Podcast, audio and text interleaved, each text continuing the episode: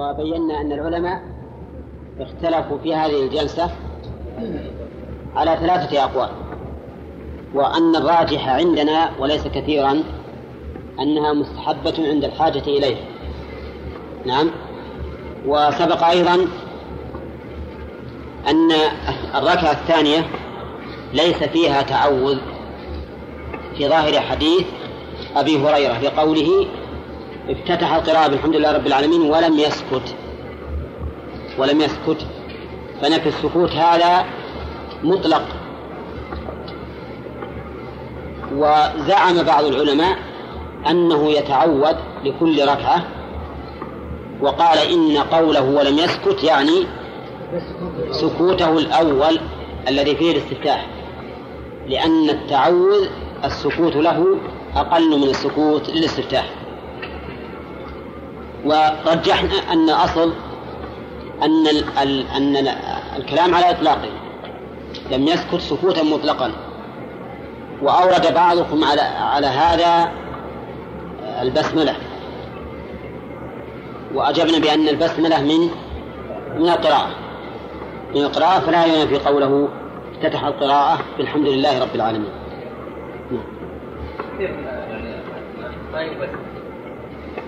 يعني خطر عليه بلى في خطر. لأن مذهب الشافعي أنه من من الفاتحة فلا فلا تصح صلاته. نعم. لو نسيها ولو نسيها فكما لو نسي. الحمد لله رب العالمين. إي نعم. على على على قول من يقول إنها من الفاتحه لكن الصحيح إنها ليست منها. صحيح إنها ليست منها لكنها آية من القرآن. ها؟ إي نعم نعم. يحذر ويبين له. البسملة في كل ركعة مثل ما أن القراءة في كل ركعة صلاة الفاتحة. باب الأمر بالتشهد الأول وسقوطه بالسهو عن ابن مسعود رضي الله عنه قال إن محمدا صلى الله عليه وسلم قال إذا قعدتم في كل ركعتين فقول إن محمدا وإن أبا القاسم ترد كثيرا في كلام بعض الصحابة رضي الله عنهم. وهذا لا ينافي قوله تعالى لا تجعلوا دعاء الرسول بينكم كدعاء بعضكم بعضا. فإن هذا ليس في النداء وإنما هو في الإخبار. وباب الإخبار أوسع من باب الإنشاء. والنداء إنشاء كما تعرفون. النداء من قسم الإنشاء وليس من قسم الخبر. والخبر أوسع. ولهذا نقول محمد بن عبد الله بن عبد المطلب. والنبي صلى الله عليه وسلم قال أنا ابن عبد المطلب. ولو أن الإنسان سمى ولده عبد المطلب لكان ذلك حراما لأن الأول من باب الإخبار والثاني من باب الإنشاء. فكون ابن مسعود رضي الله عنه يقول قال إن محمدا صلى الله عليه وسلم قال ليس هذا من سوء الأدب مع الرسول صلى الله عليه وسلم وليس أيضا خروجا عن قوله تعالى لا تجعلوا دعاء الرسول بينكم كدعاء بعضكم بعضا هذا إذا قلنا أيضا الآية فيها قولان لأهل العلم. دعاء الرسول هل هو من باب إضافة المصدر إلى مفعوله؟ أي دعاءكم الرسول. كدعاء بعضكم بعضا يعني لا تقول يا محمد مثل ما يقول واحد منكم لأخيه يا فلان. أو من باب إضافة المصدر إلى فاعله. أي دعاء الرسول إياكم. يعني إذا دعاكم لا تجعلوه كدعاء بعضكم بعضا مثل ما إذا دعاك فلان. نعم. وهذا الأخير يؤيده قوله قد يعلم الله الذين يتسللون منكم لوادا فليحذر الذين يخالفون عن أمره أن تصيبهم فتنة أو يصيبهم عذاب أليم. مع أن الآية صالحة للمعنيين جميعا.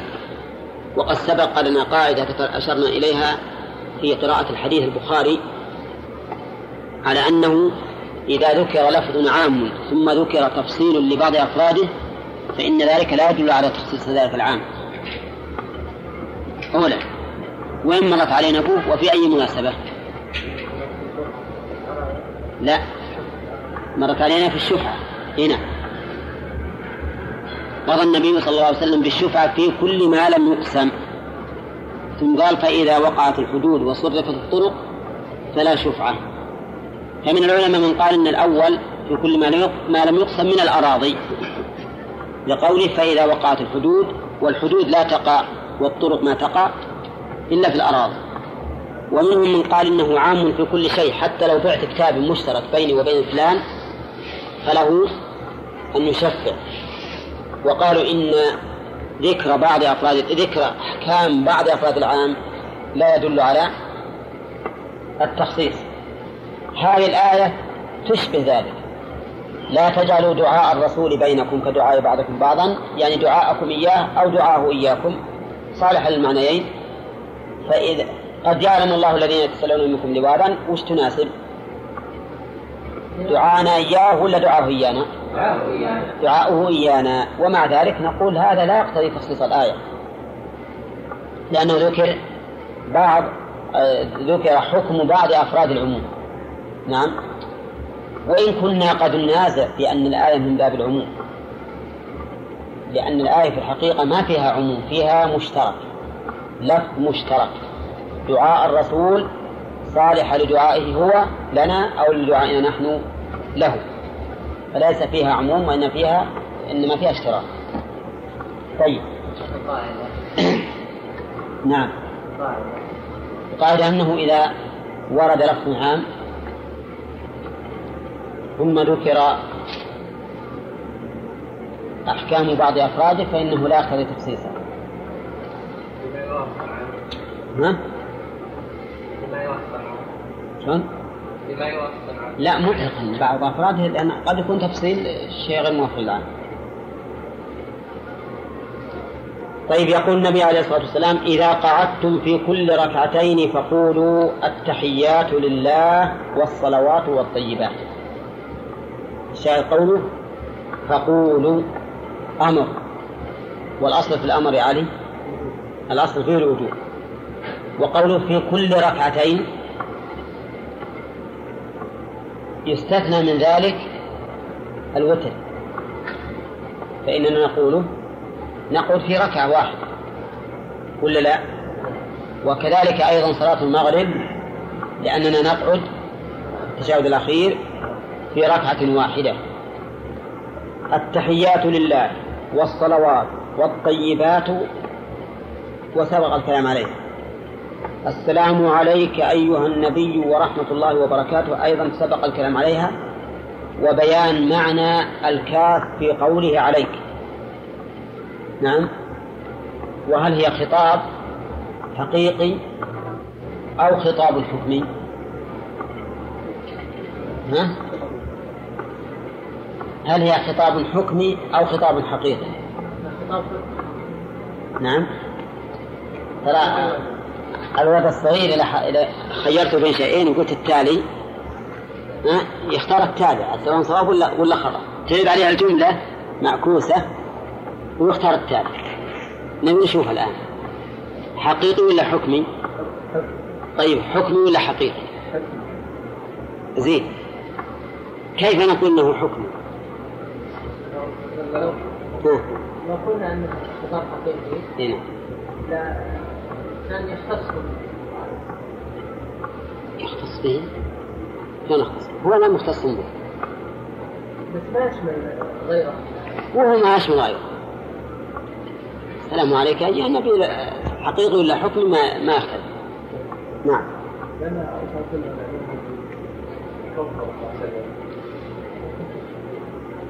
إيه. نعم لأنه لو كان خطابا حقيقيا لبطلت الصلاة ولا ما صح ذلك إلا والرسول حاضر. أولى إذا صح حاضر تقول السلام عليك. لكن صار غائب عنك أو بعد موته صلى الله عليه وسلم ما يمكن تقول السلام عليك. فالخطاب حكمي معناه لقوة استحضارك إياه. صرت إيش؟ كالمخاطب له. صرت كالمخاطب له. ومن ثم لم تبطل الصلاة بذلك. من ثم لم تبطل الصلاة بذلك. ولهذا لو لو خوطب النبي عليه الصلاة والسلام بالكاف في غير هذه المسألة بطلت الصلاة ولا لا؟ بطلت الصلاة. ولهذا آه، يتبين لنا ضعف من أطلق من الفقهاء قولهم تبطل الصلاة بكاف الخطاب لغير الله ورسوله. أما لغير الله فصحيح لأنه خاطب الله. وأما ورسوله فليست على إطلاقه لأن ما فيها إلا هذه الصيغة السلام عليك. وهذه الصيغة قلنا إنه ليس خطابا حقيقيا بل هو خطاب حكمي بمعنى أنك لقوة استحضارك صار كالمخاطب بين يديك. كذا يا علي؟ ها؟ أولا وش فهمت؟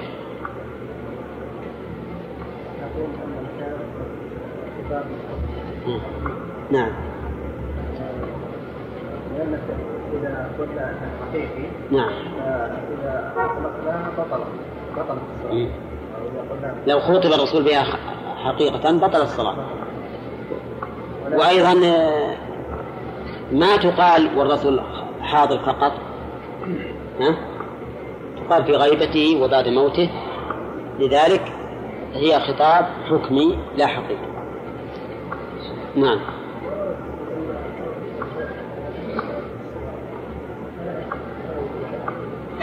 لا.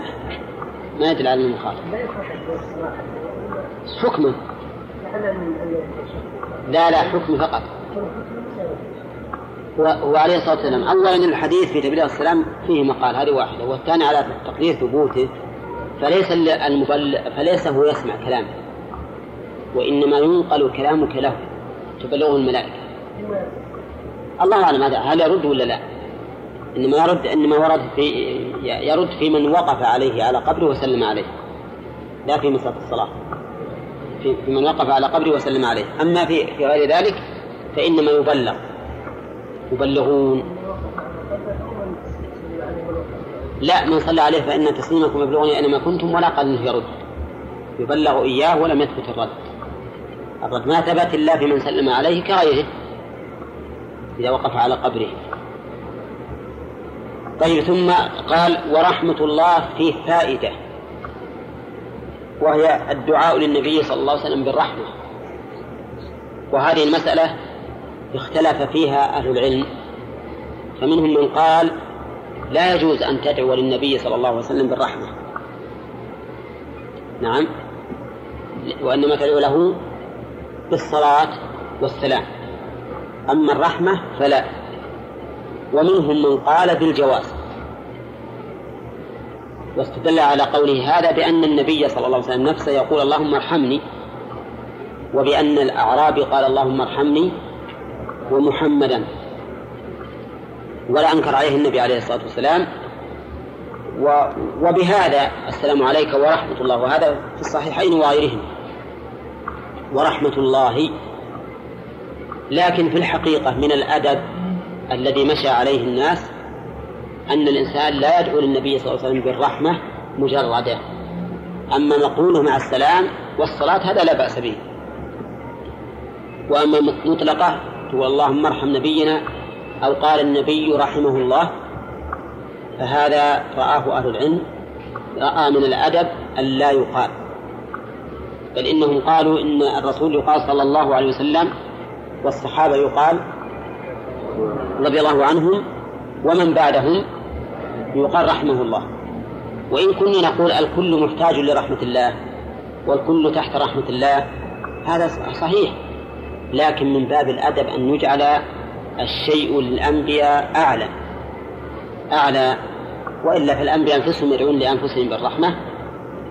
وكذلك أيضا فيما إذا جاءت تبعا السلام عليك أيها النبي ورحمة الله. لا شك في جوازه نعم. المانعين الظاهر من باب الأدب فقط سوء الأدب. قال السلام علينا وعلى عباد الله الصالحين. وسبق أن النبي عليه الصلاة والسلام قال إنكم إذا قلتم ذلك سلمتم على كل عبد صالح في السماء والأرض. وهل الإنسان منا يستحضر أنه إذا قال وعلى عباد الله الصالحين أنه يسلم على الملائكة ويسلم على أبي بكر وعمر ويسلم على الحواريين أصحاب عيسى ويسلم على من تابوا من عبادة العجل من أصحاب موسى ويسلم على غيرهم ولا ما يستحضر؟ ها؟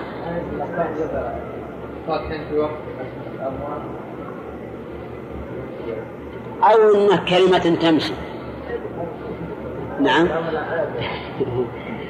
الصحيح أن هذه المسائل ينبغي أن الإنسان ما يقرأ على أنها بس هكذا عبارة تأتي مرسلة يستحضر المعنى وعلى عباد الله الصالحين ولذلك عندما تستحضر يصير للصلاة شأن إنك وعلى عباد الله الصالحين. تستحضر الملائكة في السماء والصالحين في الأرض من الأحياء والأموات. السابقين واللاحقين. يصير لدعائك معنى ولصلاتك روح. وهذه من فوائد ما أشرنا إليه سابقا. فوائد إيش؟ ها؟ لا غير العلم. المتا... لا. ها؟ استحسان المتابعة لا بأس لكن من هذه. من فوائد استعمال الصفات الواردة في السنة المتعددة. كون الإنسان يمشي على صفة واحدة دائما أولا ينسى ما سبق ينسى ما سواه. ينسى ما سواه من الصفات فيموت جزء من السنة أو جانب من السنة في حقه. والشيء الثاني أنه يصير كأنه آلة أوتوماتيكية. إذا فتحت الزرار بدأ يدور الشريط وماشي. لكن إذا استحضر يوم يقرأ بشهادة ابن عباس ويوم بشهادة ابن مسعود ويوم بشهادة بموسى ويوم يصلي بالصفة الواردة في حديث ابن مسعود وغيره حديث بشير بن سعد. صار أولى. صار هذا مما يزيده استحضارا. طيب ثم قال واشهد ان محمد رسوله ثم ليتخير أحدكم من الدعاء أعجبه إليه فليدعو به ربه عز وجل. وهذا عام في الفرض والنفل وقوله أعجبه إليه يعني أحسنه عنده. وهو شامل أيضا للدعاء في مصالح الدين والدنيا. الدعاء في مصالح الدين والدنيا. وأما قول بعض الفقهاء إنه لا يجوز الدعاء بما يتعلق في أمور الدنيا. فهذا خلاف هذا العموم. هذا خلاف هذا العموم. وكذلك بعضهم قال لا يجوز الدعاء إلا بما ورد. إلا بما ورد. واستدلوا على ذلك بأن ما لم يرد من كلام الآدميين. فيقال صحيح من كلام الآدميين لكنه دعاء لله. والله تعالى هو المخاطب به. وليس من كلام الآدميين. ما خاطبت آدميا إنما خاطبت الخالق. والنبي عليه الصلاة والسلام يقول فليتخير من الدعاء أعجبه إليه. لكن الذي ينبغي أن الإنسان يحرص أولا على الوارد لأنه لا شك أنه أجمع وأنفع. ثم إذا أراد أن يطول فليتخير ما سواه. وعن رفاعة بن رافع عن النبي صلى الله عليه وسلم قال إذا قمت في صلاتك فكبر ثم اقرأ ما تيسر عليك من القرآن فإذا جلست في وسط الصلاة فاطمئن وافترش فخذك اليسرى ثم تشهد. هذا أيضا فيه صفة الجلوس وفيه حكم الجلوس لقوله فاطمئن. إذا جلست فاطمئن. فدل على وجوب الطمأنينة في ذلك الجلوس أيضا. نعم. وقوله افترش فخذك اليسرى ثم تشهد. ولم وش يعمل فيها. تكون منصوبة. رواه أبو داود وعن عبد الله بن بحينة أن النبي صلى الله عليه وسلم قام في صلاة الظهر وعليه جلوس فلما أتم صلاته سجد سجدتين يكبر في كل سجدة وهو جالس قبل أن يسلم وسجدها الناس معه مكان ما نسي من الجلوس. المراد بالجلوس هنا الذي ترك التشهد الأول التشهد الأول. والنبي عليه الصلاة والسلام لما قام لا يمكن أن يرجع إليه. فاستمر في صلاته ثم سجد سجدتين قبل أن يسلم. قال عبد الله مكان ما نسي من الجلوس. مكان ما نسي. وهاتان الركعتان بدل عن عن الجلوس ولا كفارة للجلوس؟ ها؟ كفارة. إي نعم. لأنه لو كان بدلا لكان جلسة. البدل له حكم مبدأ ولكنها كفارة له. فيكون ذلك من باب التكفير. وتجدون أن السهو يسجد الإنسان سجدتين لعدة مرات سهى بها ولو كان بدلا لكان كل سهو له سجدتان وإنما هو كفارة فتكون للجميع. استدل بعض العلماء بهذا الحديث على أن التشهد الأول ليس بواجب. وش وجه الدلالة لهم؟ لأن النبي صلى الله عليه وسلم لم يرجع إليه. قالوا إن النبي صلى الله عليه وسلم لم يرجع إليه. لكن الصحيح أنه واجب للأحاديث الآمرة به ولمواظبة النبي صلى الله عليه وسلم عليه نعم في جميع صلواته.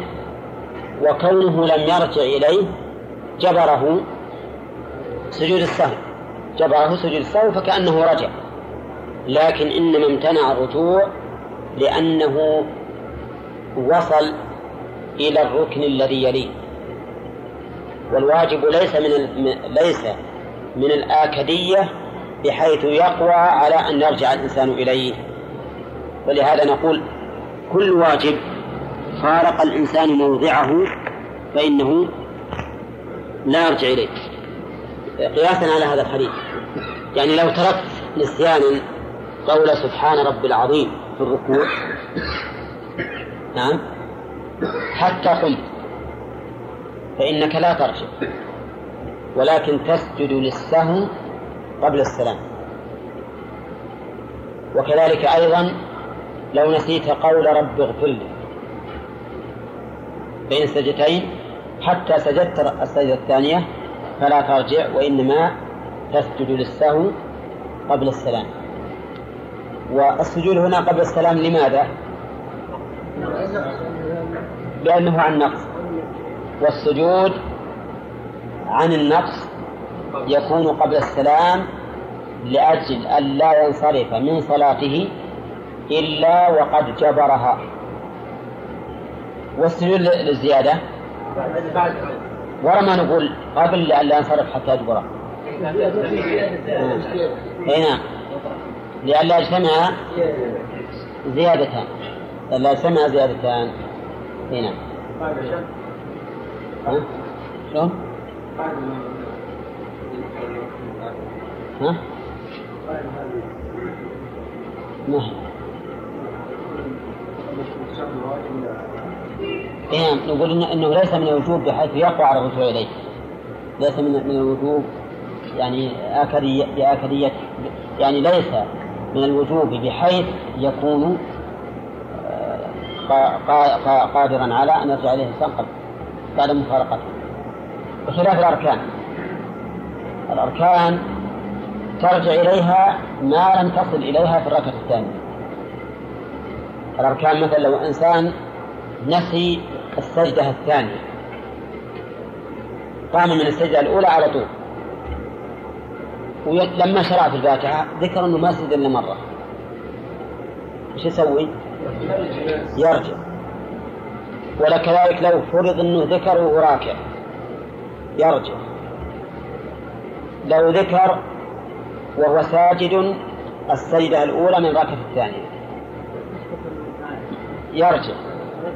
هنا يرجع على طول ويجلس. يعني ما يستمر في السجود. لكن لو ذكر وهو جالس للتش... لقول رب اغفر لي. ها؟ ما ما نقول يرجع. شو السبب؟ وصل. هو الآن لو رجع يبي يصرف هالمحل. لا ما حاجة ينقل النية لأنه هو الآن بيتشهد ويجعل الأولى. يجعل الأولى. لكن ما نقول يرجع. يقول الآن يقول رب اغفر لي على أساس أنها للأولى. نعم. على أساس أنها للأولى. لا للثانية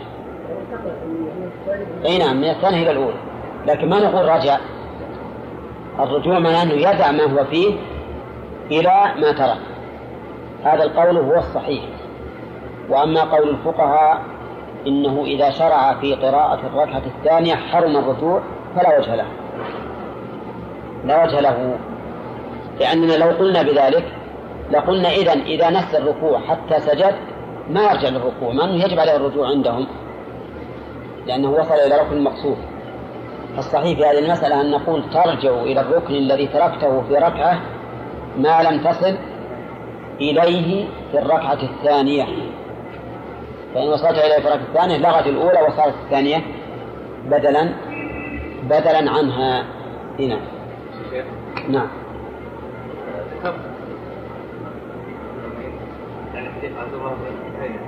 وقد يستدل على الاستراحة. على نفي جلسة الاستراحة إي نعم. يقول عليه جلوس. حجتكم عليه. بأنه ليس في جلسة استراحة. كيف ذلك؟ يقول وعليه جلوس. نعم. كأنه يعني لو استدل لها جلسة استراحة. نعم. كأنه يعني الحديث عليه جلوس؟ كأنه نسي. لا لا هو أصل. أصل الحديث اللفظ الثاني اللي إحنا ذكرنا أنه قام في الركعتين ولم يجلس. هذا بعض ألفاظه وهو في الصحيحين أيضا. قام في الركعتين ولم يجلس. نعم. لكن المؤلف اختار هذا اللفظ وأظن يمكن لفظ إما لأحمد أو لغيره. وعليه جلوس. اختار ذلك لأنه صريح في وجوب الجلوس وسقوطه. هذا السبب المختار. لأنه لو قال أختار لو أتى باللفظ الثاني قام من الركعتين الأولين ولم يجلس ما في استراحة بالوجوب إيه فالمؤلف اختار هذا اللفظ لأجل هذا السبب. ونحن ذكرناه أشرنا إليه ولم يجلس. هنا. نعم. الذي الثانية الذي عمل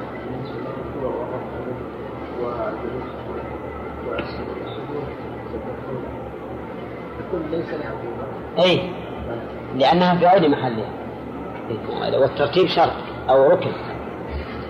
ترتيب أنا كان ركن. يصير زيادة هذا. يعتبر زيادة ويرتد للسهو بعد السلام. نعم. اللي هو إيش؟ وش اللي حصل؟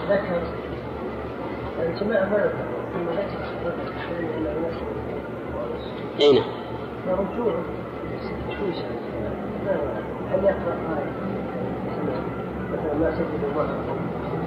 على كل حال إذا إذا كان يخشى من التشويش يبين له مثلا مثل ما قلت إما بآية إما بآية يتلوها ولا هو أو يشير. المهم يبين له من الصلاة يخشى من التشويش. مع أن الغالب إذا صار هو صحيح أنه ما كلهم فقهاء ولا لأنه سجد وهم عارفين أنه ناسية هو اللي بيسبحون به ما أطاعوا ثم ذكر هم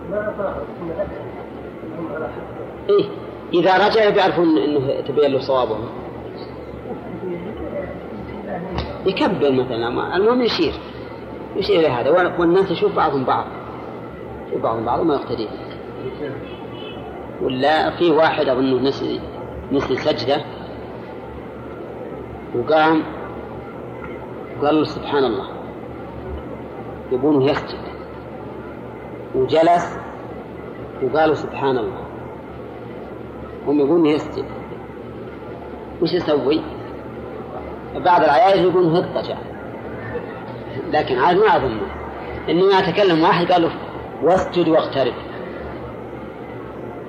هذا لا بأس به هذا التنبيه لا بأس ولا هو صحيح إذا- قاموا نبهوا وقال سبحان الله وقعدوا نبهوا وقال سبحان الله لو كان صفة ثالثة للصلاة وهو الاتجاه اضطجع ما بقي لا شو وقت ما تبطل صلاته وقت ما تبطل صلاته لا ما تبطل صلاته لأنه قرآن. لماذا نقول يعني يدخل إلى موضع إلى موضع الركعة. وياتي به يزيد الركعه هنا من الركعة الأولى التي يدخل فيها. يبطلها لا أصل سلمك الله ما يجوز يستمر في هذه الأفعال لأنها في غير محلها لو استمر معناه أنه, إنه الآن صلى صلوات في غير محلها يتعمد الزيادة لا لازم لازم يرجع ولا نقول أن يعني التشهد ركن. ولكن لما ترك الركن. صار واجب. يمكن يمكن يقول أن أصل فيه إنه ركن و- ولت- وكان الرسول تركه وجبره بسجود السهو دل على وجوب يمكن يقول لأن حديث ابن مسعود قبل أن يفرض عليه التشهد يعم التشهدين. نعم. أي نعم يهوي يهوي الإنسان. ما يقول كان زاد. نعم.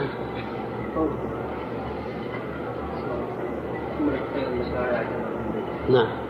لا يدل يعني على ليس واجب صحيح. لو لولا هذا الحديث يعني لو لو اقتصرنا على هذا الحديث كان ما- يدل على وجوب شيء غيره يدل على أن الباقي مفو- مفوض إليه. لكن إذا جاءنا حديث صحيح صريح في تعيين شيء فإنه يؤخذ به. هل يدل يا شيخ؟ هذا على أن محل الدعاء بعد بعد إيش؟ قبل الصلاة على النبي. إيه هذا الظاهر والله أعلم من قبل أن يسأل. ظاهر من قبل أن يسأله بشير بن سعد عن كيفية الصلاة عليه. لأن حديث ابن مسعود معروف أنه من أقدم ما جاء في التشهد وفيها السلام ذكر كيفية السلام. الظاهر أن هذا قبل أن يبين لهم كيفية الصلاة وقال الشهد له نصف واجب ها؟ له واجب أي نعم. لا يسجد للسهو لكن هم لا يرون أن السجود للسهو خاص بالواجبات. حتى ترك المستحبات يسن له سجود السهو وقد مر علينا هذا أيضا. أن المستحبات اللي أنت تفعلها في العادة ونسيته تسجد لها ولو جزيت لا مو ما يجزي لا لا بأس أن تتركه لأنه عوض عما ليس بواجب. الذين يقولون إنه ليس بواجب مقتضى القاعدة ما أدري هل يلتزمون بذلك أو لا يلتزمون. مقتضى القاعدة أنه لو ترك السجود له ما فلا بأس. ما تقع الصلاة.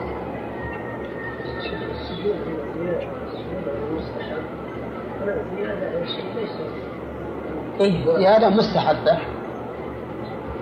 زياده مستحبة عن شيء ليس ليس بواجب. نعم.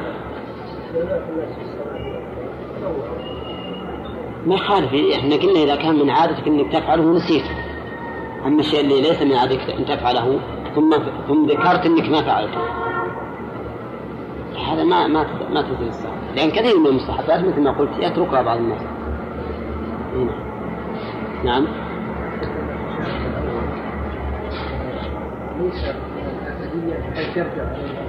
نعم يقول على هذا في واجبات في واجبات فيه. في واجبات ليست كالأركان أقل واجبية منها نعم. فيه فرق بين ان ان الركن لا يجبره سجود السهو والواجب يجبره سجود السهو ولهذا لما ترك النبي عليه الصلاة والسلام الركعتين وسلم ما خلاه انه قال بسجد للسهو جاب الركعتين ثم سجد للسهو لأن الرسول ما جاء ما أتى به. لما نسله تركه. ما أتى به. واضح؟ ها؟ أقول واضح أنه أنه ليس بركن. الركن لا بد من فعله. ولهذا لما ترك النبي عليه الصلاة والسلام الركعتين الباقيتين في صلاة الظهر في صلاة أبي هريرة في قصة ذي اليدين. لما ترك الركعتين خلاهم قال بل تقولهم بسجدتين ها؟ أسألك. أنت يا علي. أسألك لما سلم النبي صلى الله عليه وسلم من الركعتين الأوليين. ونبه. وقيل أنسيت أم قصرت الصلاة؟ فقال لم أنسى ولم تقصر. هل جاء بالركعتين الباقيتين أم تركهما؟ جاء به لم يقل أسجد للسهو بدلا عنهما وأتركهما. لأن الركعتين الباقيتين كلا أركان سجود وركوع وقيام وقعود لكن التشهد الأول لما نسيه أتى به ولا ما أتى به؟ لم يأتي به. نعم. هذا هذا الفرق بين الواجب والركن لا. لا لا نعتبر الركوع ركن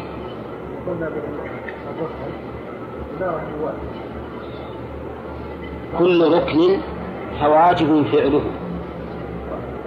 كل ركن واجب فعله إيه؟ واجب فعله لكن نسميه ركن لا بد من وجوده في العبادة وأما ما يجب و و ولا تفتقر العبادة إلى وجوده بمعنى أنه لو ترك نسيانا لصحت به العبادة لصحت العبادة بدونه فهذا ما نقول ركن نقول واجب ويأتي الإنسان بتركه ويبطل الصلاة عمده وأما سهو فلا يبطلها ويجبر بالسجود السهو. واجب والتشهد الأول واجب لماذا لا نترك ولا نقول لا أصل بارك الله فيك. معنى الوجوب هنا واجب فعله. لا واجب اصطلاحا لأن عندهم الآن أن الوا... إن في- العبادات اللي يفرقون فيها بين الأركان والواجبات لهم اصطلاح خاص به الحج له أركان وواجبات والصلاة لها أركان وواجبات. إنما الكل لا بد من فعله واجب من فعله. شيخ فيه باب خاص. لا؟ في باب خاص. إن شاء الله من اللي بيسأل؟ هنا. نعم. لا مهم لازم إن أقام فهو أفضل. وإن لم يقم فلا حرج. نقرأ الفقه. ترى ما معي الساعة المؤقتة؟ من معي يا جماعة؟ والله ما أدري عنكم؟ زين. زين. ها؟ وصول الفقه الأربعاء والخميس؟ طيب.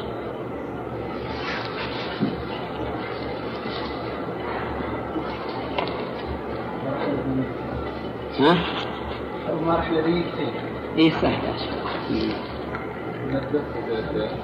اي والله لاني أنا مع العجيلة اليوم تأخرت شوي. وعدت واحد به. يجي وقال لا تقهوت جيت؟ وقهوته هبطت ويوم ما جاء بعد خلصت.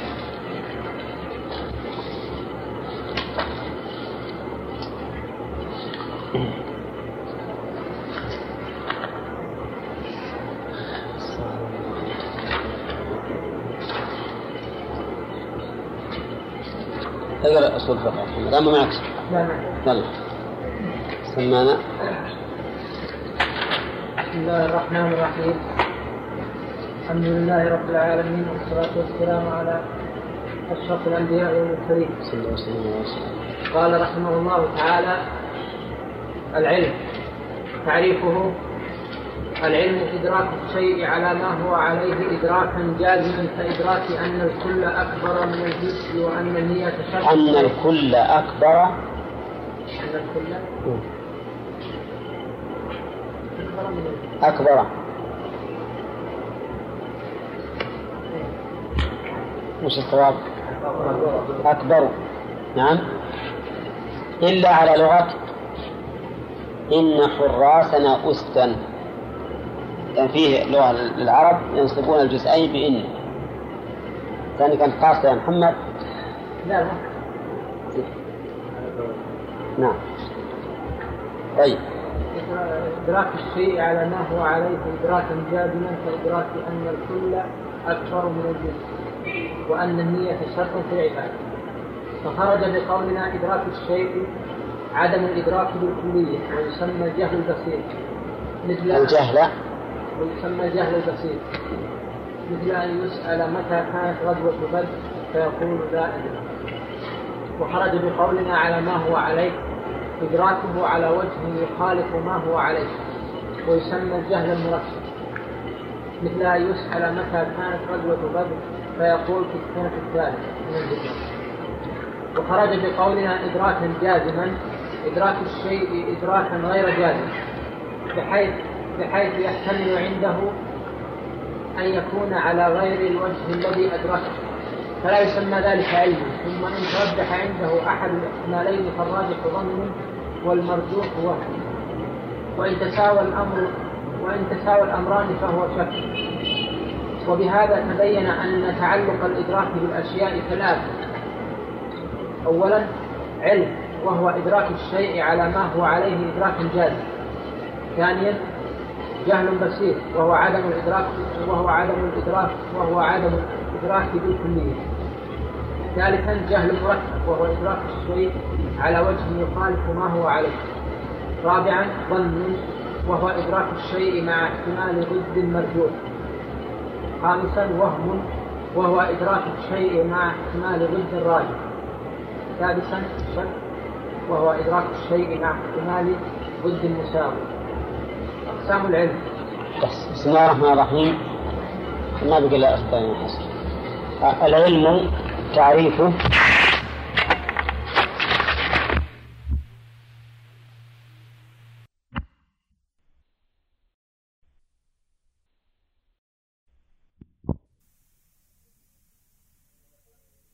كبر جعل يديه حذاء منكبيه وإذا ركع أمكن يديه.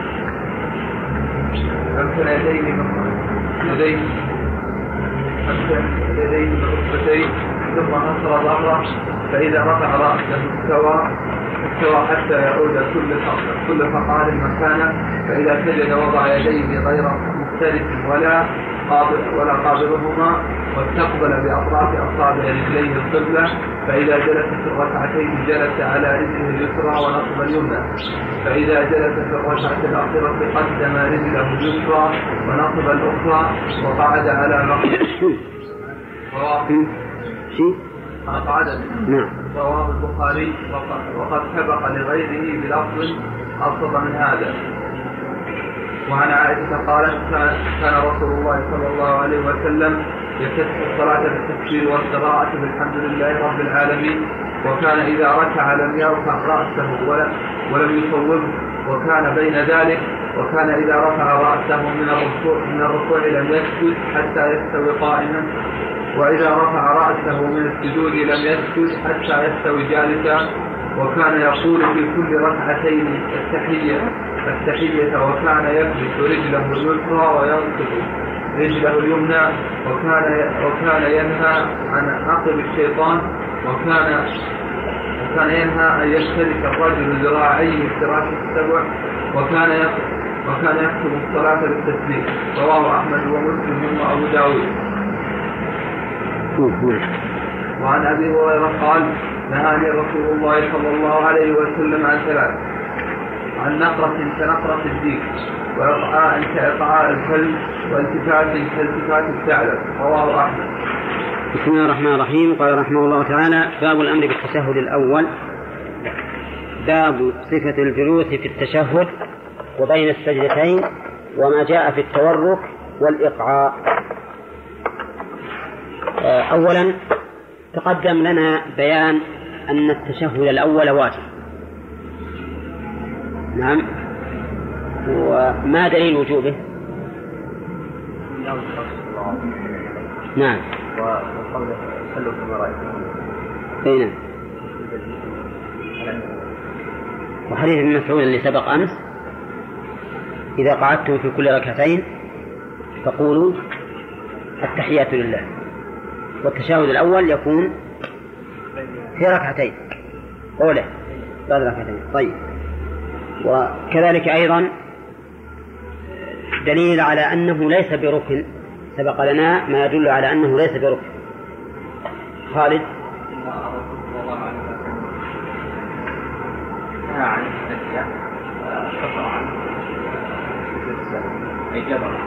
ولو كان ركنا لا يعني أفرح ولا أعتقد إيه، ما جبره بسجود السهو طيب. آه، ما هو الدليل على أن أركان لا تجبر بسجود السهو حديث أن الرسول صلى الله عليه وسلم. تأخر اليدين مم. فرجع فأكمل ركعتين فلو فأكمل ركعتين فلو كان يجبر لا السجود طيب. صحيح. هذا يدل على أن الأركان لا بد من وجودها وفعلها. طيب. إذا الخلاصة التشهد الأول واجب ويجبر بسجود السهو عند النسيان. نعم. ولكن إن شاء الله سيأتي مزيد بحث لهذا في باب سجود السهو وإلا في المسألة تحتاج إلى بحث أطول. ثم قال باب صفة الجلوس في التشهد يعني الأول والثاني وبين السجدتين وما جاء في التورك والإقعاء عن وائل بن حجر أنه رأى النبي صلى الله عليه وسلم يصلي فسجد ثم قعد فافترش رجله اليسرى رواه أحمد وأبو داود والنسائي. قوله فسجد ثم قعد ما المراد بهذه القعدة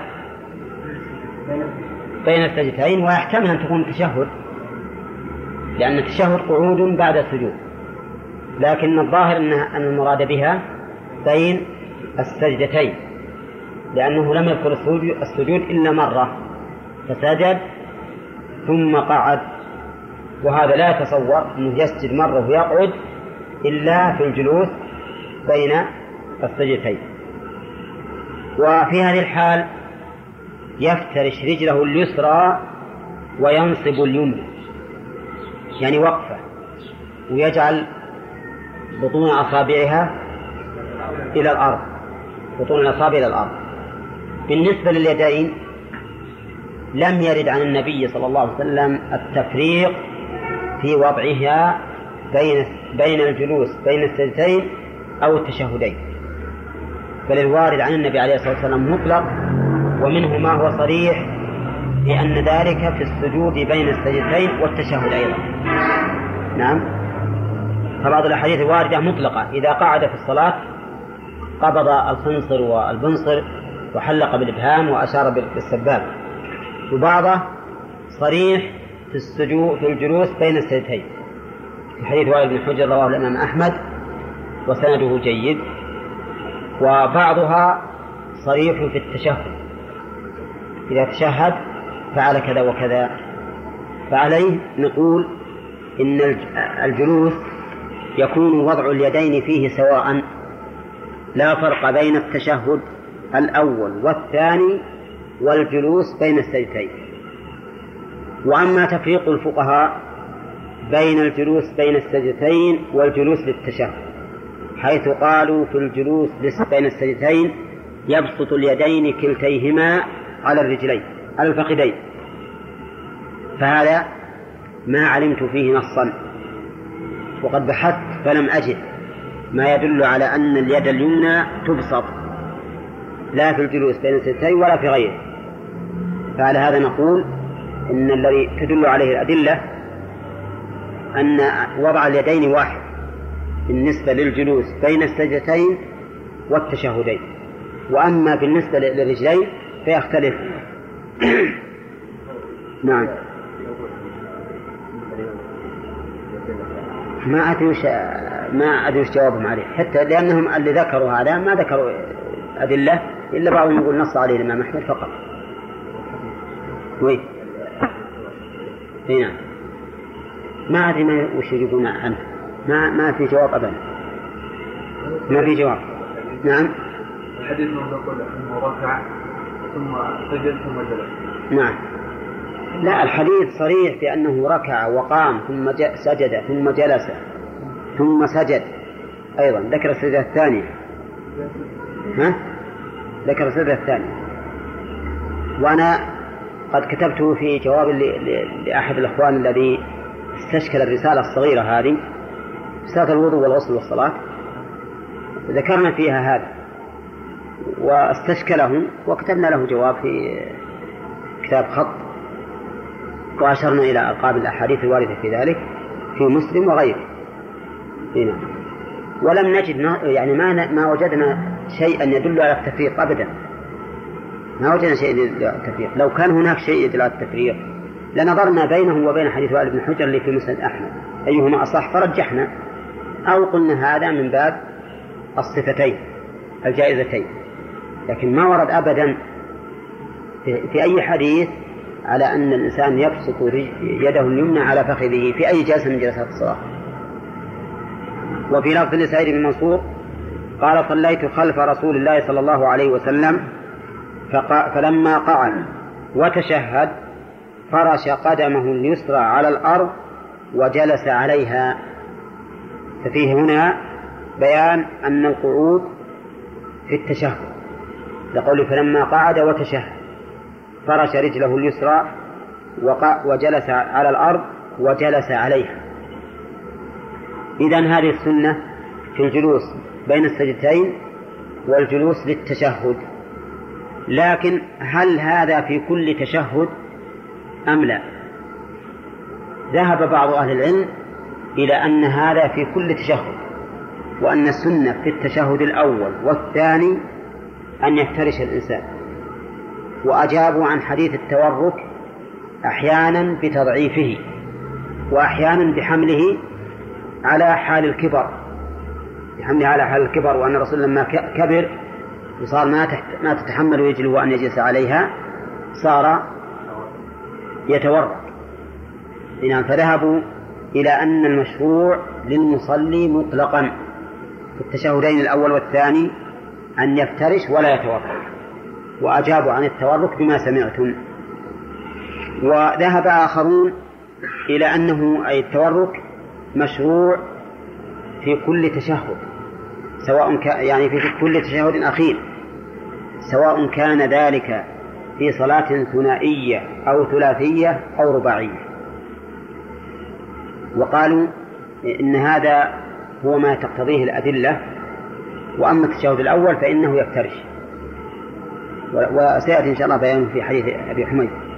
وعن رفاعة بن رافع أن النبي صلى الله عليه وسلم قال للأعرابي من الأعرابي؟ ها؟ المسيء في صلاته. إذا سجدت فمكن لسجودك يعني ثبت له واستقر. فإذا جلست فاجلس على رجلك اليسرى رواه أحمد. وفائدة هذا الحديث أنه ثبت الأمر به عن النبي عليه الصلاة والسلام بالجلوس على الرجل اليسرى. والأول ثبت من فعله. والأول ثبت من فعله.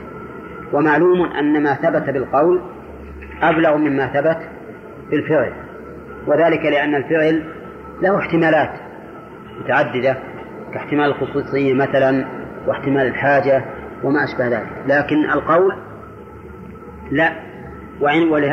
وقد مر علينا أنه إذا تعارض قول النبي صلى الله عليه وسلم وفعله ولم يمكن الجمع. فأيهما يقدم؟ يقدم القول أما إذا أمكن الجمع فإنه لا, لا تعارض طيب الشاهد من هذا قوله فاجلس على رجلك اليسرى رواه أحمد وقوله فإذا جلست أي جلسة نريد آه. يعم أي جلسة وبهذا أخذ من أخذ من أهل العلم أنه لا تورك في الصلاة وعن أبي حميد أنه قال وهو في نفر من أصحاب رسول الله صلى الله عليه وسلم وتقدم أنهم عشرة قال كنت أحفظكم لصلاة رسول الله صلى الله عليه وسلم. رأيته إذا كبر إلى آخره ويخاطب عشرة من أصحاب الرسول عليه الصلاة والسلام. وهو يعلم بأنهم لم يلازموا النبي صلى الله عليه وسلم كملازمته إياه ولذلك جزم وقال أمامهم كنت أحفظكم. ولو كان أنه يشعر من نفسه أنهم مثله أو أحفظ ما قال هذا أمامهم. وأيضا لكذبوه مثلا أو قالوا لست أحفظ منا. فهذا هو السبب أنه قال أحفظكم. رأيته نعم. رأيته إذا كبر جعل يديه حذاء منكبيه. هذه تكبيرة الإحرام. وقوله إذا كبر هل المراد إذا أراد أن يكبر أو إذا شرع أو إذا شرع أو إذا فرغ؟ نعم. هو كله ورد لكن عندما نقول ما المراد؟ ما المراد؟ في في قوله إذا كبر. الظاهر إذا انتهى التكبير. إذا كبر لأنه معروف إن الجزاء يخالف الشرع وأن التكبير لا يقال كبر إلا إذا انتهى منه. لا إذا انتهى منه. فاللي يقول الله ولا يقول الله أكبر ما يجب أكبر ما ندري عنه كبر ولا ما كبر. فإذا ظاهر حديث أبي حميد إذا كبر جعل ظاهره مو بصريحه. أنه يجعل ذا أنه يرفع يديه. متى؟ بعد التكبير. نعم. ولولا لولا أنه ورد هذا صريحا لقلنا يمكن أن يحمل حديث أبي حميد على أن المراد إذا كبر أي إذا شرع في التكبير. فيكون رفعه مع التكبير. ويمكن أيضا لو لو فرضنا أنه ما ورد الرفع مع التكبير لقلنا يمكن أن نجعل إذا كبر أي إذا أراد أن يكبر. مثل إذا دخل الخلاء قال بسم قال أعوذ بالله من الخبث والخبائث. يعني إذا أراد دخوله. فيمكن نقول إذا كبر أي إذا أراد أن يكبر. لكن ما دام أن الأمر ورد بهذا وبهذا وبهذا فإننا نحمله على ظاهره. أي نعم. نعم. نعم. نعم. لا إذا شرطية. هذه إذا شرطية. طيب قوله إذا كبر جعل يديه حذو منكبيه. يعني وزن. وزن منكبيه. عندما نأخذ بظاهر الحديث تماما. هل ترتفع اليد إلى فروع اليدين؟ ما ترتفع. وعلى هذا فيكون هذا إحدى الصفات الواردة في رفع اليد. والصفة الثانية إلى شحمة الأذن والثالثة إلى فروع الأذنين. وقد سبق لنا أن بعض العلماء جعل هذه الصفات صفة واحدة حيث حمل أسفلها على أسفل اليد وأعلاها على أعلى اليد. وقال فروع الأذنين يعني أعلى اليد تصل إلى فروع الأذنين. وحذاء المنكبين أسفل اليد إلى حذاء المنكبين. وإذا ركع مكن يديه من ركبتيه وسبق أنه يكون كالقابض عليهما ثم هصر ظهره. ما يخليه مستوجب قائما ولكنه يخصره وينزله. حتى لو صب عليه الماء أو لو وضع عليه الماء لاستقر من شدة حصره له عليه الصلاة والسلام. ويقول المؤلف نعم. طيب ورأسه؟ ها؟ يساويه ورأسه يساويه وفي هذا دليل على أن ما يفعله بعض الناس من تقوس الظهر عند الركوع خلاف السنة. وكذلك ما يفعله بعض الناس. يخسر ظهره لكن ينزله. ينزله. صحيح هذا رأسه لكن تلقاه نازل سنة فهذا أيضا خلاف السنة. لأن هذا الفعل لو صب عليه الماء ها؟ لجرى. أي نعم لجرى ما يقع. فالحاصل إن, إن هذا صفة الركوع المستحبة. فإذا رفع رأسه استوى حتى يعود كل فقار مكانه. استوى بمعنى استقر ومنه قوله تعالى لتستووا على ظهوره أي تستقروا عليه. كما استوى أي استقر حتى يعود كل فقار مكانه. الفقار يعني فقرات الظهر حتى تعود وتستقر. ومتى تعود وتستقر؟ إذا اعتدل الإنسان وانتصر. فأما مع الإنحناء فيهم فيها ميول عن أمكنتها فإذا سجد وضع يديه غير مفترش ولا قابضهما. إذا سجد عليه الصلاة والسلام وضع يديه على الأرض غير مفترش والافتراش أن يضع الذراع على الأرض هكذا. ولا قابض القابض أن يضمهما إلى جنبه. فهو عليه الصلاة والسلام لا يقبضهما يعني يضمهما إلى جنبه ولا يفترشهما. فماذا تكونان؟ ها؟ تكونان مرفوعتين ومجافاتين. مرفوعتين ومجافتين كما هو واضح في أحاديث أخرى. واستقبل بأطراف أصابع رجليه القبلة. بأطراف الأصابع القبلة. إذن لا بد أن الأصابع تكون منحصرة على الأرض. ولهذا قال بعض العلماء إنه ينبغي أن يتحامل على رجليه. يتحامل يعني يتكى عليهن حتى إنه تنخفض وتكون أطراف الأصابع إلى القبلة. طيب لو فرض ان الرجل خلط أطراف الأصابع على الأرض غير متجهه للقبلة. لا أجزأ لقوله في حديث ابن عباس فيما سبق وأطراف القدمين لكن الأفضل أن يفعل كما فعل الرسول صلى الله عليه وسلم. طيب ما ذكر أصابع اليدين؟ أصابع اليدين ما ذكرها. وش الحكم نعم تتجه إلى الأرض وتكون أيضا مضمومة كما في أحاديث أخرى. تكون مضمومة واتجاهها إلى القبلة. مضمومة سدها وأصابعها إلى القبلة. أما اللي يفرس يفتحها هكذا خلاف السنة. أو اللي يقول هكذا أيضا خلاف السنة. أو اللي يقول هكذا خلاف السنة. لأن المشروع أن يكون كل ما كل عضو منك مستقبلا. كل عضو منك يكون مستقبل القبلة. نعم. حتى في الوقوف أيضا. ما ينبغي أن الإنسان أن الإنسان يخلي رجليه يمين ويسار. مع أن الحقيقة أن الوقوف فيما يظهر والله أعلم. إن الإنسان يبقى على طبيعته. لا يتكلف شيئا معينا. والناس يختلفون بعض الناس تكون رجليه مايلة ولو يبي يحاول إنه يعدل الزبده يمكن ينشغل. قوله النفس ها؟ إذا مر النفس. إيه. ما ينشغل. ها؟ ما ورد نعم. ما يعد وارد لأن الصحابة كانوا يتواصلون إيه. عقاب العقل بالعقل. نعم. هذا ما يكون إلا إذا كانت الرجل مستقيما على القبلة نعم.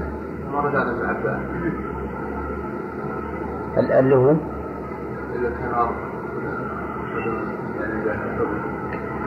ما أعرف في هذا شيء. لكن على كل حال كل شيء منك الأفضل أن يستقبل القبلة الأفضل لكن أنا أقول إن بعض الناس تكون رجليه منحرفة. وأخشى إذا حاول أنه يوجه إلى القبلة أخشى أنه ينشغل في هذا الشيء فإذا كان كما ذكرتم أنه يمكن تمرين هذا الشيء فليمرنه. أي نعم. طيب آه، يقول فإذا جلس في الركعتين جلس على رجله اليسرى ونصب اليمنى. فإذا جلس في الركعة الأخيرة قدم رجله اليسرى ونصب الأخرى وقعد على مقعدته. هذا نص صريح في التفصيل. بين التشهد الأول والتشهد الثاني. إذا جلس في الركعتين يعني لإيش؟ للتشهد. ولا يمكن يقال إن قوله إذا جلس في الركعتين يعني بين السجدتين. ما يمكن أقول هذا لأن الجلوس بين السجدتين لا يكون في الركعتين بل يكون في كل ركعة. في كل ركعة. وقوله قدم رجله اليسرى ونصب الأخرى. وين قدم رجله اليسرى؟ إلى وين؟ ها؟ أخرجها من يمين كما بين ذلك. أخرجها من يمينه ونصب الأخرى. يعني خلاها قائمة. وقعد على مقعدته. وقعد على مقعدته. طيب. في الصفة الثانية للتورك أنه يفرش اليمنى ويضع اليسرى بين ساقها وفخذها. هكذا يقول. ها؟ لا ثبتت. ثبتت عن النبي عليه الصلاة والسلام. ما ينصب اليمنى لا يفرشها. التشهد الأول الأخير. نعم. ما الأول ولا التشهد الأخير. هنا. نعم. مصدرها أظ- أظنها في في البخاري فيما أظن. إنما هي صحيحة بلا شك. ولهذا العلماء قالوا إنه يخير في الافتراش بين هذا وهذا. لكن كنت أنا أتصور إن الرجل اليمنى تبقى منصوبة. ولكن الصريح الذي ورد في الحديث عن النبي عليه الصلاة والسلام أنه كان يفرشها أنه كان يفرشها ويخرج هذه من بين ساقها وفخذها. لا دعنا عاد مسألة المضايقة شيء ثاني. المهم هذا هو المشروع.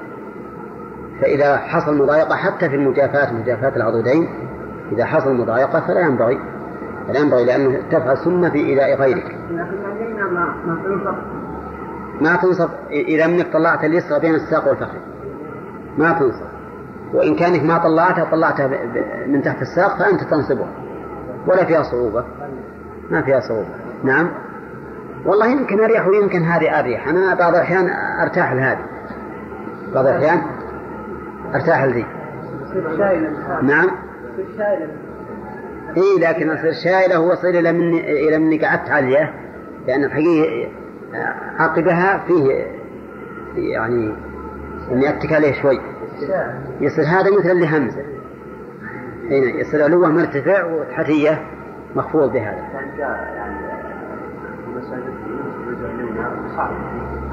لا لا أنا أنا كنت أتوهم بنصب اليمنى ما ما وجدته.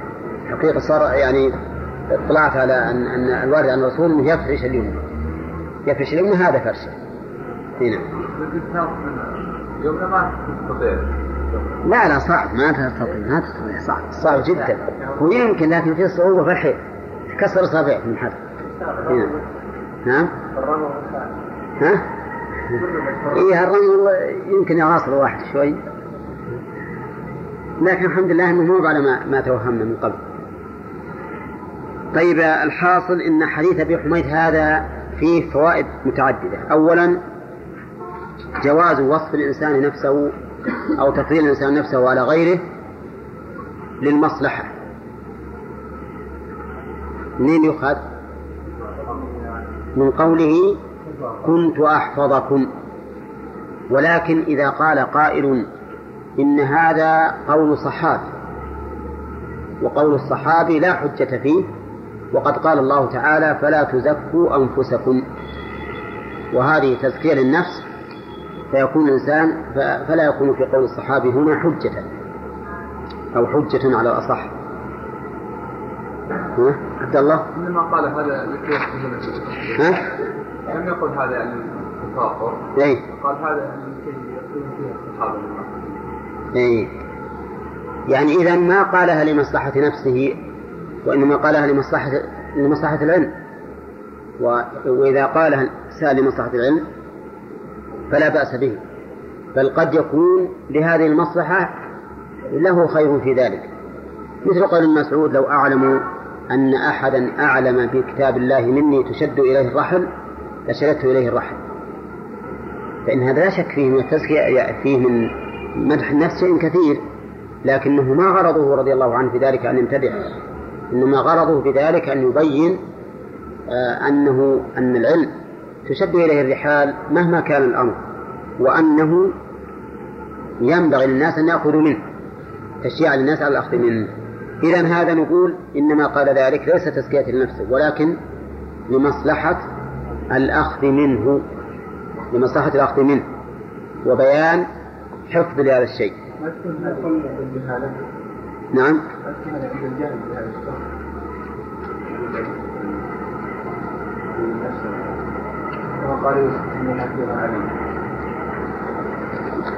حتى عند الجاهل إذا قصد الفخر.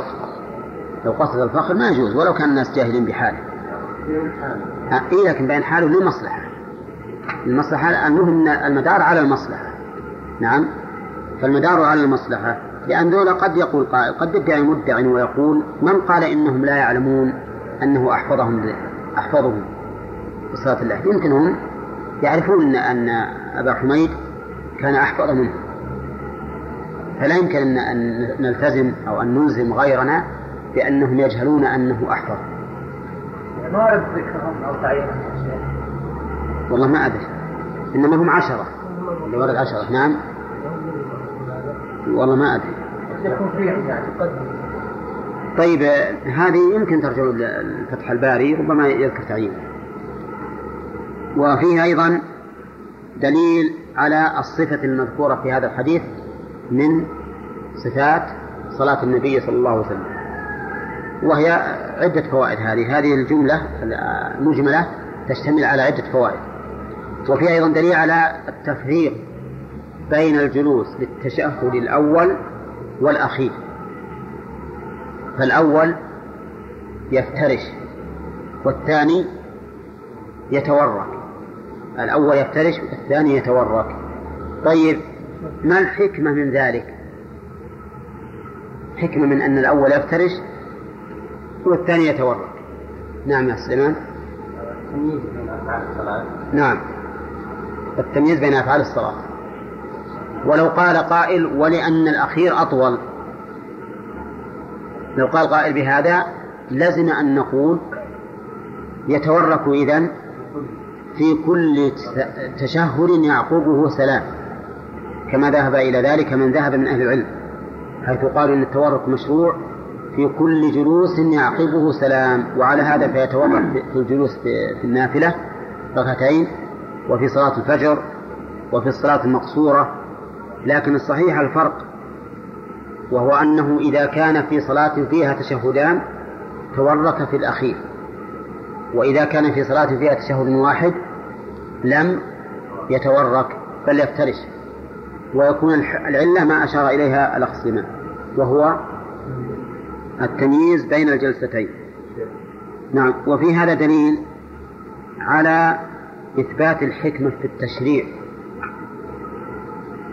وذلك بمراعاة الفرق في الأفعال التي يمكن أن تشتبه. الأفعال التي يمكن أن تشتبه. ولذلك من من جملة ما ذكر أهل العلم في التفريق إن الإنسان إذا جلس للتشهد الأول مفترشا في صلاة ثلاثية ورباعية إذا جلس مفترش ما يمكن ينسى ويكمل لأنه لو نسي شعر بأنه في الأول بسبب مش بسبب؟ الافتراش. بسبب الافتراش فهذا مما يعينه على عدم السهو.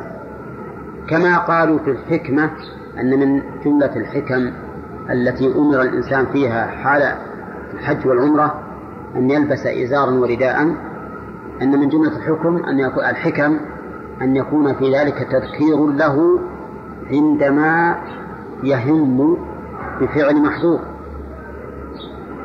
عندما يهم بفعل محظور من يناظر ولا عليه إزار ورداء يذكر أنه في نسك فيتجنبه نعم.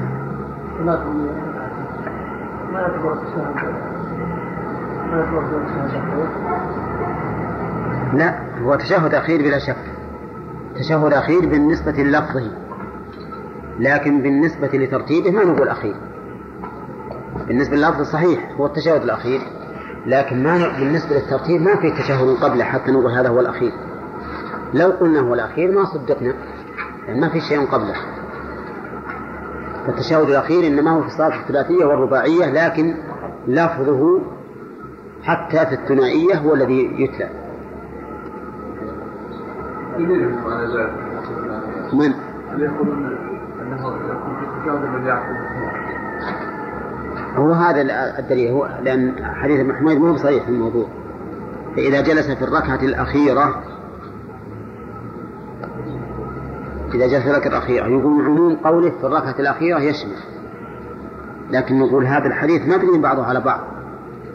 قال فإذا جلس في الركعتين ثم قال فإذا جلس في الركعة الأخيرة. فدل ذلك على أن المراد الصلاة اللي فيها تشهد أول وثاني. نعم ها؟ كما صلى الله عليه وسلم عليكم وشون؟ شلون؟ الرسول صلى الله عليه وسلم كان في صلاة الفجر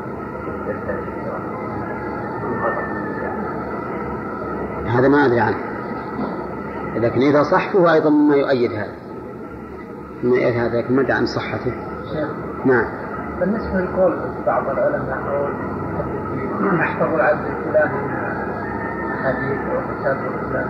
لا تفرض لا يعني ليس قول يعني وصف عام. مقيد إيه؟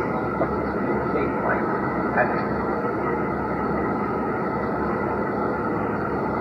والله قد نقول ها هو قد يكون ناشد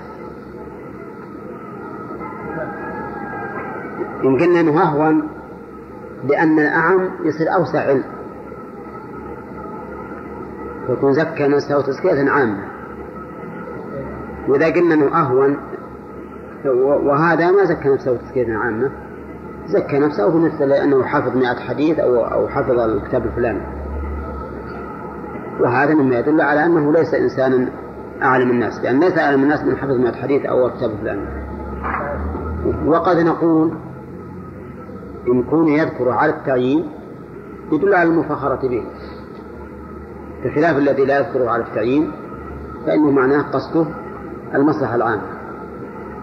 على كل حال هي تعود إلى النية في الحقيقة. المسألة مبنية على النية وعلى المصلحة فإذا كان في ذلك مصلحة فلا حرج.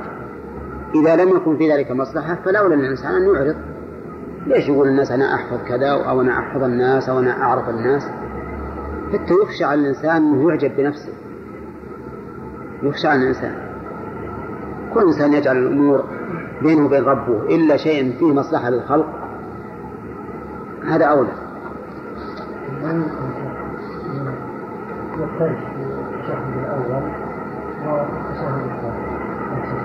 لا هذا الأولى التفريق. وأحيانا لا سلامة. لأن الأحاديث ما دام فيها تفصيل لأنه ما ورد التورك في التشهد الأول. ولا ورد الافتراش في التشهد الأخير على سبيل التعيين.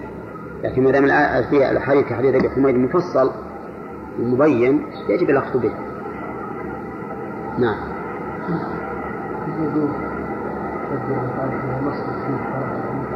في لا أنت ما ما ما شددت الرحلة للمسجد. شددت الرحلة للعلم. ولهذا لو كان العلم في غير هذا المسجد شددت إليه ولا لا؟ ها؟ إيه هذا ما خالف. ففرق بين الإنسان الذي يقصد المسجد لذاته والذي يقصد المسجد للعلم الذي فيه. فهو إنما إنما شد الرحل للعلم وكان الصحابة رضي الله عنهم ومن بعدهم يشدون الرحال لطلب العلم. والنبي صلى الله عليه وسلم يقول لا تشد الرحال إلا إلى ثلاثة مساجد. يعني إلى أي مكان إلا إلى هذه المساجد الثلاثة. واضح؟ ها؟ لا أبدا. ما يمكن. النبي عليه الصلاة والسلام كان يشد الرحل للغزو وما زال وإذا ضربتم في الأرض وآخر ما يضربون في الأرض يبتغون من فضل الله ما حد ما حد حرم السفر إلا إلا اللي بيروح المساجد الثلاثة.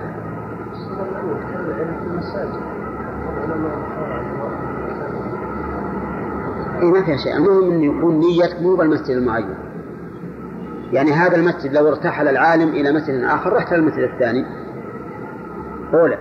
لكن مسجد مكة والمدينة والأقصى تقصد المسجد نفسه لو ما في ولا واحد يدرس. تقصد المسجد نفسه نفس البقعة. نعم. ما يجوز. ما يجوز ولا إلى مسجد قباء. حتى مسجد قباء ما يجوز أنك تشد الرحل إليه. لا هذا خطأ هذا من جملة التزوير. ها؟ أي لا علي يقول في ناس مثلا يسافرون من بلادهم إلى هذه المشاهد.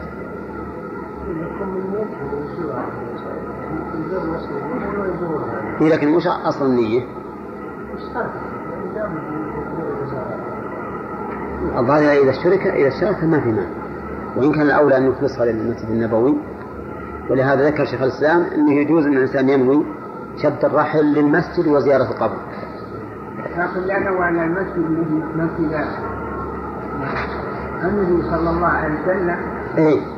هو ما يجوز إنه يروح المسجد قباء أيه. كيف؟ لكن المسجد النبوي. المسجد النبوي نعم. لو إنه من نيته إنه عاد إلى وصل بيروح القبة ما يخالف. ما في بأس. نعم السنة في حديث واحد يقول فلما قعد وتشهد فرج ذكر التشهد قبل. فلما قعد وتشهد نعم نعم. فلما قعد وتشهد فرج اي هذا تفسير للقعود الذي للتشهد. يعني كان يقول كان يقول فلما قعد للتشهد قعد على هذه الصفة. ما يوهم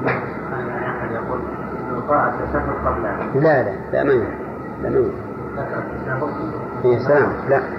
قصده فلما قعد للتشهد قعد على هذه الصفة. نعم. فإذا جلست وقلت لا نقول عم مخصوص وش بشكل يسرى إيه يعني قصدك إنه اي نعم. عام مخصوص يستثنى منه. التشهد الأخير. يعني ورد الشاهد الأخير الافتراض لا. يجوز لا. ما هو يجوز الجواز يجوز لكن الأفضل التورط. التشهد الأخير. لماذا نقول لازم الافتراض؟ ليش؟ مثل ما قلنا الشهر الأول إيه؟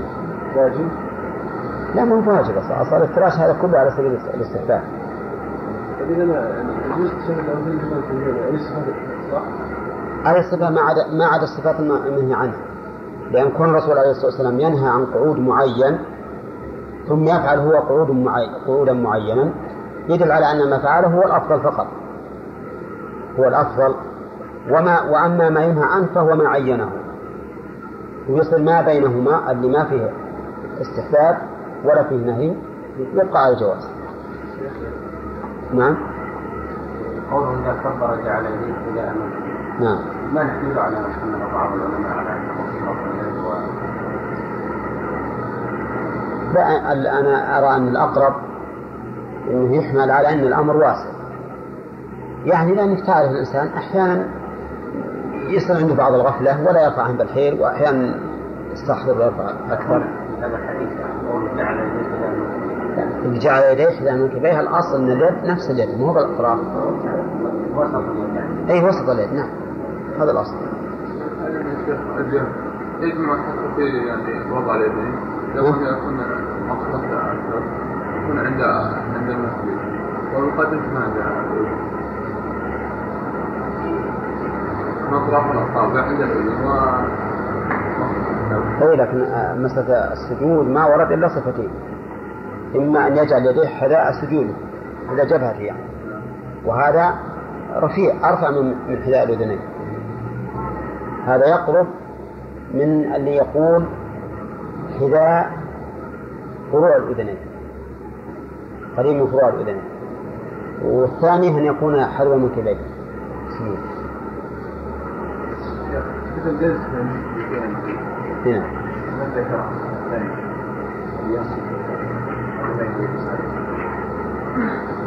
هذه أظن ما ذكر المؤلف؟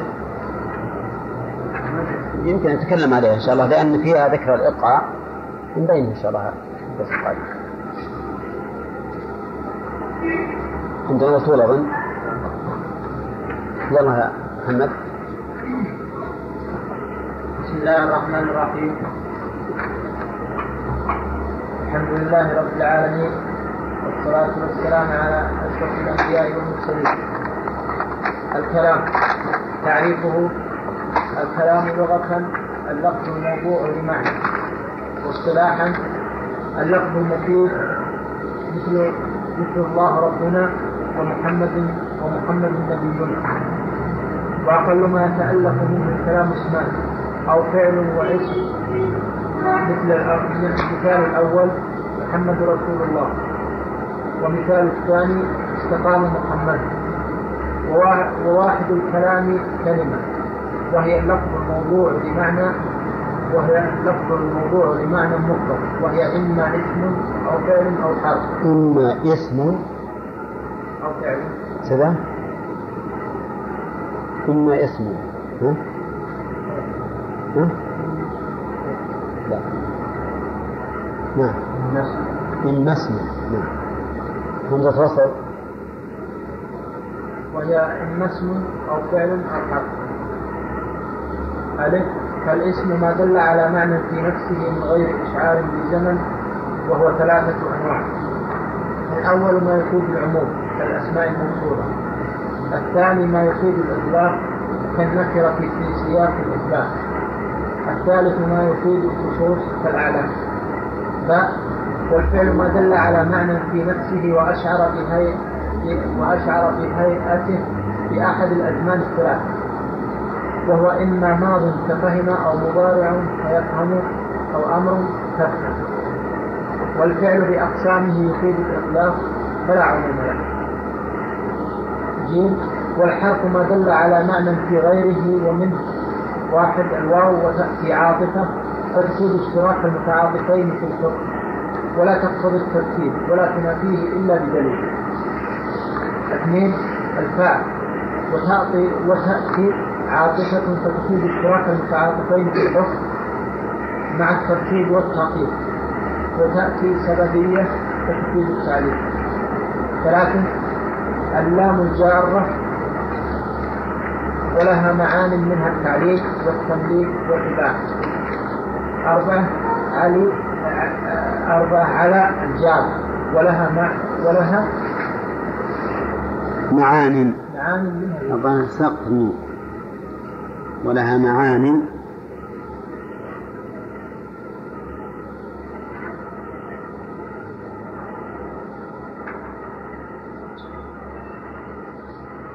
نعم بسم الله الرحمن الرحيم.